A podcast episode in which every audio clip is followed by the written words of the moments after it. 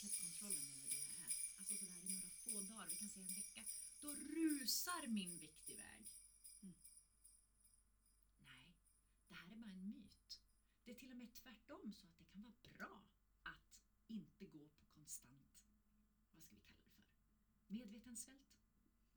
Jag tycker inte om ordet banta eller diet eller sånt, för det funkar ju inte. Bantning är ju direkt kontraproduktivt.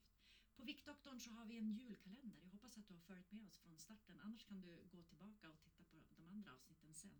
Men idag, då handlar det just om det här att släppa på kontrollen äh, och tappa kontrollen kanske till och med Mm. eh, i några dagar. Mm. Och känna att nu är allting kört, nu sticker allting iväg.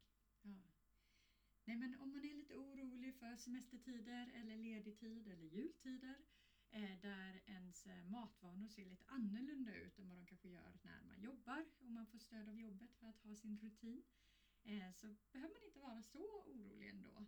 Utan en studie som de kallar Matador-studien de kollade på vad händer om en grupp människor äter i ett konstant energiunderskott, alltså att de under åtta veckors tid då äter lite mindre för att försöka komma åt en viktnedgång.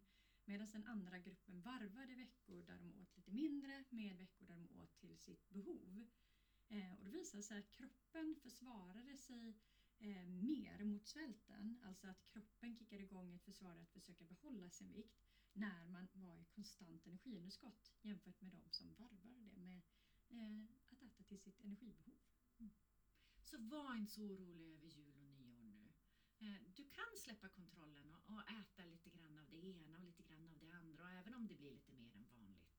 Eh, och vill du ha extra tips och råd, gå in på viktdoktorn.se. Inte bara har vi hela julkalendern, som snart är publicerad, alla avsnitt, utan vi har också våran podd, Din övervikt är inte ditt fel, med alla avsnitt som du hittar och skriver du upp dig på vår lista då kommer vi att fortsätta se till att du får all information om våra olika ja, men påhitt som vi har. Men framförallt om våra forskningsbaserade eh, program och hur man tänker och hur man jobbar med en stabil viktnedgång så att du faktiskt inte bara går ner i vikt utan stannar där.